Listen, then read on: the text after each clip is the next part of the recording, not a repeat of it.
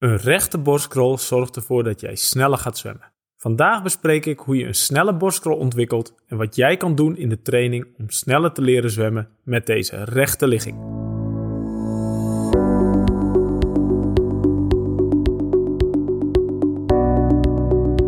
Welkom bij de First to T1 podcast. De podcast voor triatleten en zwemmers in het zwembad en het open water voor iedereen die zichzelf wil verbeteren. In deze podcast geef ik jou de kennis en de tools om de regie te nemen over je eigen ontwikkeling in het water. Zo word je sneller en wordt zwemmen leuker. Mijn naam is Janko Nolles en vandaag het derde deel over het analyseren van de borstkroltechniek. In week 1 stond de algemene borstkrol centraal. Vorige week hebben we het gehad over een horizontale en strakke ligging. En vandaag bespreken we waarom die ligging ook nog recht moet zijn, omdat dat ervoor zorgt dat je nog sneller gaat zwemmen. Dit is de First to T1 podcast. En we beginnen weer met de tip van de dag. En voor de tip van de dag duiken we vandaag onder het oppervlakte van het water. Want de tip is: leer onder water zwemmen. Onder water zwemmen is een ontzettend nuttige vaardigheid om jezelf meer ontspanning en meer controle over het zwemmen aan te leren.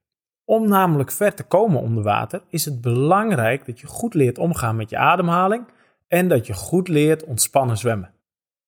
Als je namelijk verder onder water wil zwemmen, moet je dat ontspannen doen.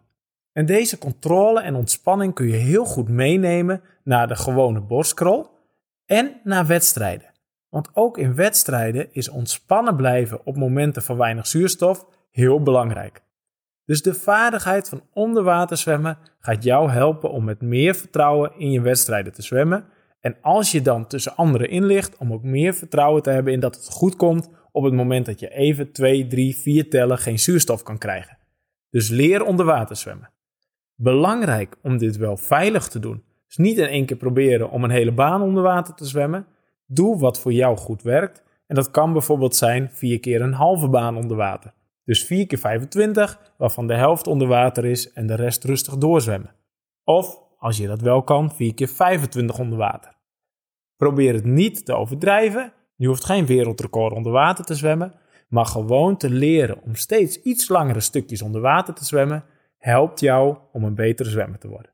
Nogmaals, doe dat veilig. We willen graag dat je weer boven komt en ook de volgende training kan doen. Maar langzaam, verstandig dit opbouwen helpt om beter te leren zwemmen. Dus dit was de snelle tip van vandaag.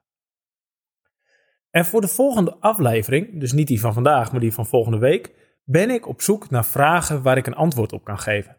De afgelopen weken hebben verschillende mensen vragen ingestuurd die ik per mail beantwoord heb. Deze vragen laat ik ook in de podcast nog een keer terugkomen. Maar mocht jij nog een interessante vraag hebben of een vraag waar je al een tijdje een antwoord op zoekt, stuur hem in. Dan zorg ik dat ik volgende week de vraag kan beantwoorden en zorg jij er dus voor dat anderen ook beter kunnen worden met de vragen die jou bezig hebben gehouden. Dus de komende week ben ik op zoek naar vragen. Laat ze achter op first2t1.nl slash feedback. En dan gaan we het nu hebben over het thema van vandaag. Een rechte borstkrol. Vorige keer hebben we besproken waarom die borstkrol horizontaal en strak moet zijn. Dus hoofd, heupen, voeten aan het oppervlakte en alles mooi strak in je eigen lichaam verpakt. Vandaag gaan we naar de volgende stap, want een goede ligging is nog meer. Die is namelijk ook recht. En alles wat ik vandaag bespreek kun je ook zien op de website. Ik ga een aantal wat abstracte dingen uitleggen en op de site staan plaatjes waarin ik dat precies goed uitleg. Kijk op first2t1.nl slash recht. Daar vind je de show notes en daar vind je dus ook de informatie bij de podcast. Want een goede ligging is dus ook recht. En recht betekent dat alles achter het hoofd blijft. Je schouders achter het hoofd, je heupen achter het hoofd en je voeten achter het hoofd. In één rechte lijn.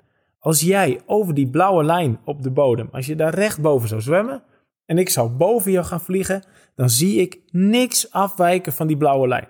Alles beweegt in hetzelfde rechte vlak. Wat, wat misschien wel goed is om dat even als analogie voor je te zien, is het verschil tussen een speedboot en een rubberboot. Waarbij een rubberboot alles nog een klein beetje alle kanten op kan bewegen, kan dat bij een speedboot niet. Die is hard, dat is de strakke ligging van de vorige keer, en die is helemaal recht. En dat rechte zorgt ervoor dat je sneller gaat en is dus de laatste voorwaarde waar je aan moet voldoen voordat je echt de snelheid van je doorhaal optimaal kan gebruiken. En recht zwemmen klinkt heel makkelijk, maar om het te doen is best wel lastig.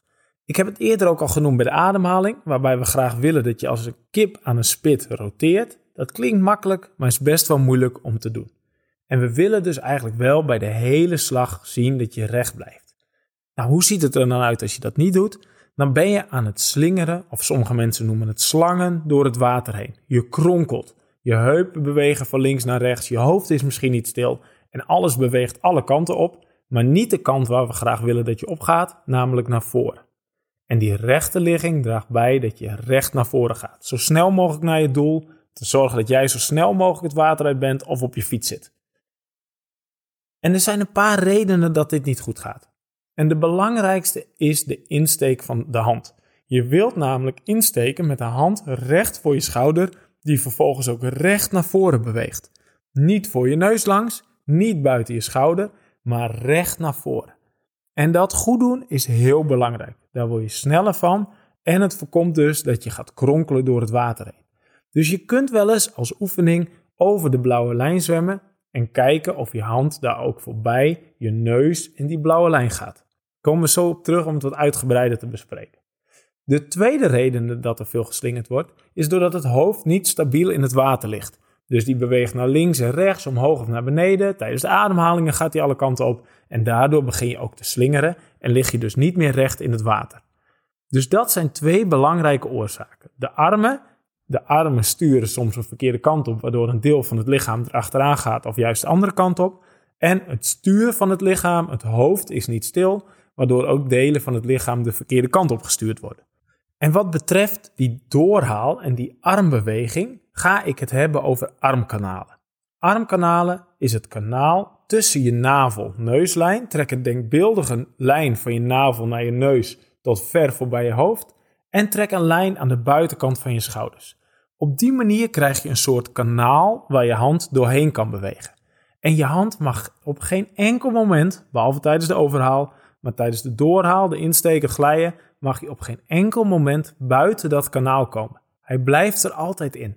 En op first2t1.nl slash recht zie je een plaatje van wat ik precies bedoel met zo'n armkanaal.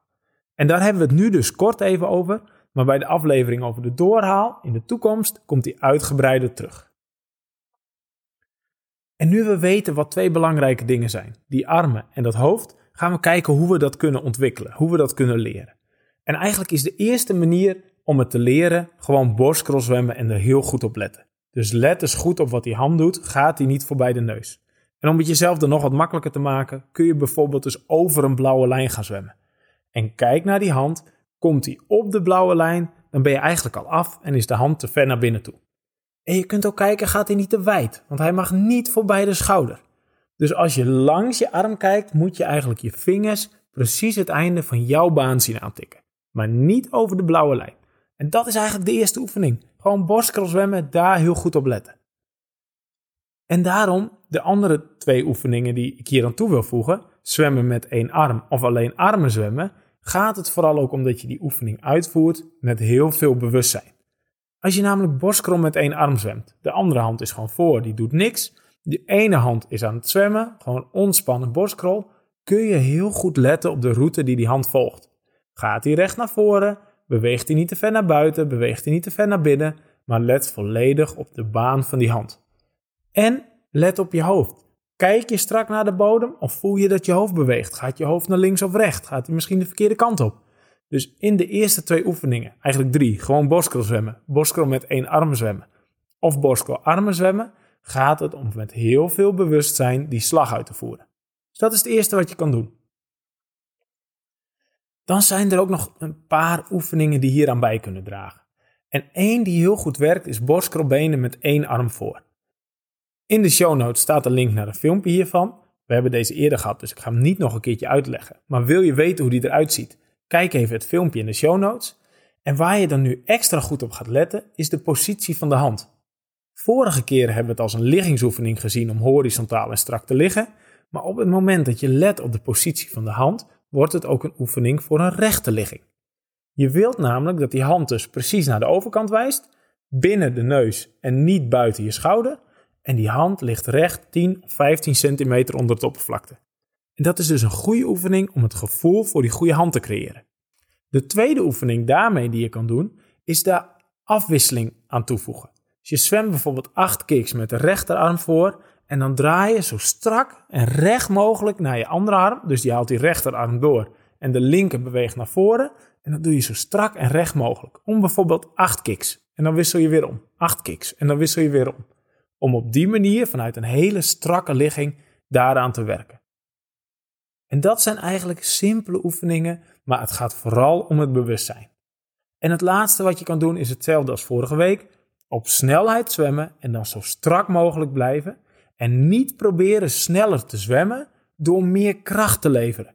Want dat is wat je vaak ziet, wat ik heel vaak hoor van triatleten die ik, waarvoor ik de trainingen schrijf, is dat ze zeggen, ja, als ik dan, als er staat maximaal, is de tijd niet per se sneller. En dat klopt, want waarschijnlijk ga je te veel kracht de verkeerde kant op gooien, ben je niet meer recht aan het zwemmen en gooi je er dus wel meer energie in, maar ga je niet sneller zwemmen. Dus wat je gaat doen dan als oefening om rechter te zwemmen, is bijvoorbeeld die omgekeerde stijgeroem van vorige week. Maar dat doe je altijd vanuit het oogpunt van techniek. En je probeert daar altijd zo strak, horizontaal en recht mogelijk in het water te liggen. Dus niet alles verliezen in die snelheid, maar vanuit een goede techniek op snelheid zwemmen helpt je om de techniek te verbeteren. En dan is er nog een aanwijzing of een oefening voor gevorderden. Dan moet je echt al ietsje beter zijn in de borstkrol. Want dat is namelijk het roteren van het lichaam. Want een goede borstkrol zwem je niet plat op je buik. Je roteert elke keer van zij naar zij.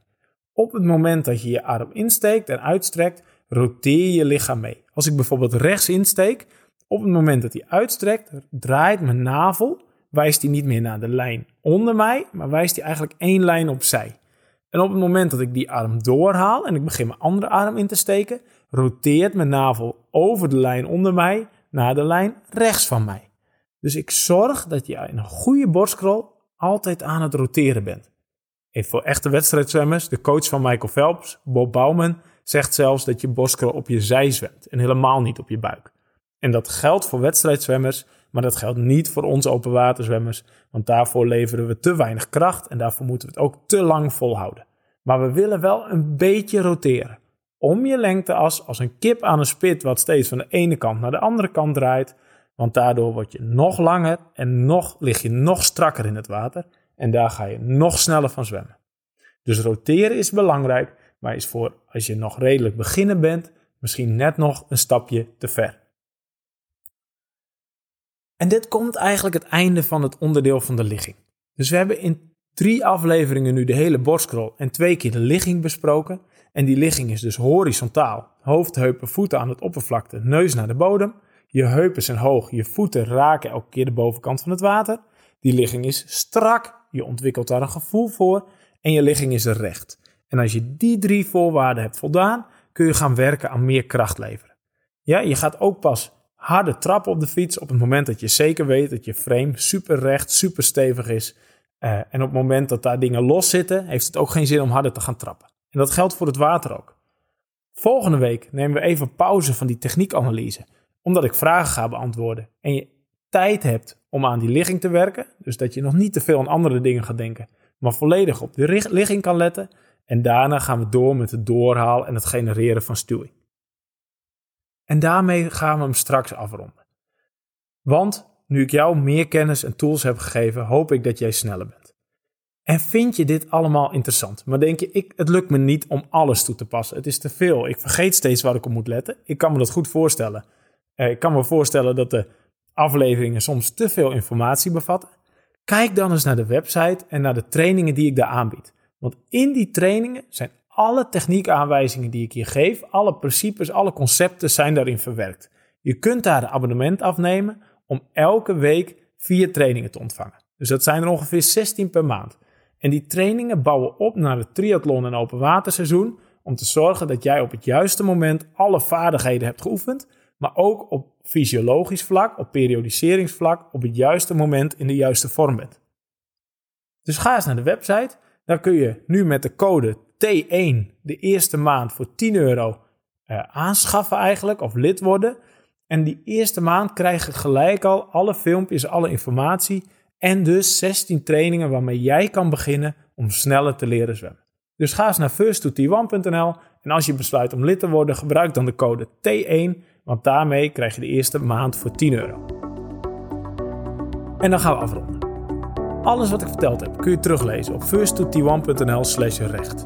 Heb je vragen of opmerkingen? Ga naar first2t1.nl slash feedback of in de show notes vind je de link ook. Je kunt ook altijd een mailtje sturen en dan ga ik kijken of ik je antwoord kan geven of dat ik er iets mee kan doen. Als je toch bezig bent, vergeet je niet te abonneren op de app of op de website. Dan weet je zeker dat je elke week op de hoogte gebracht wordt van een nieuwe aflevering. En dan mis je vanaf nu nooit meer een aflevering.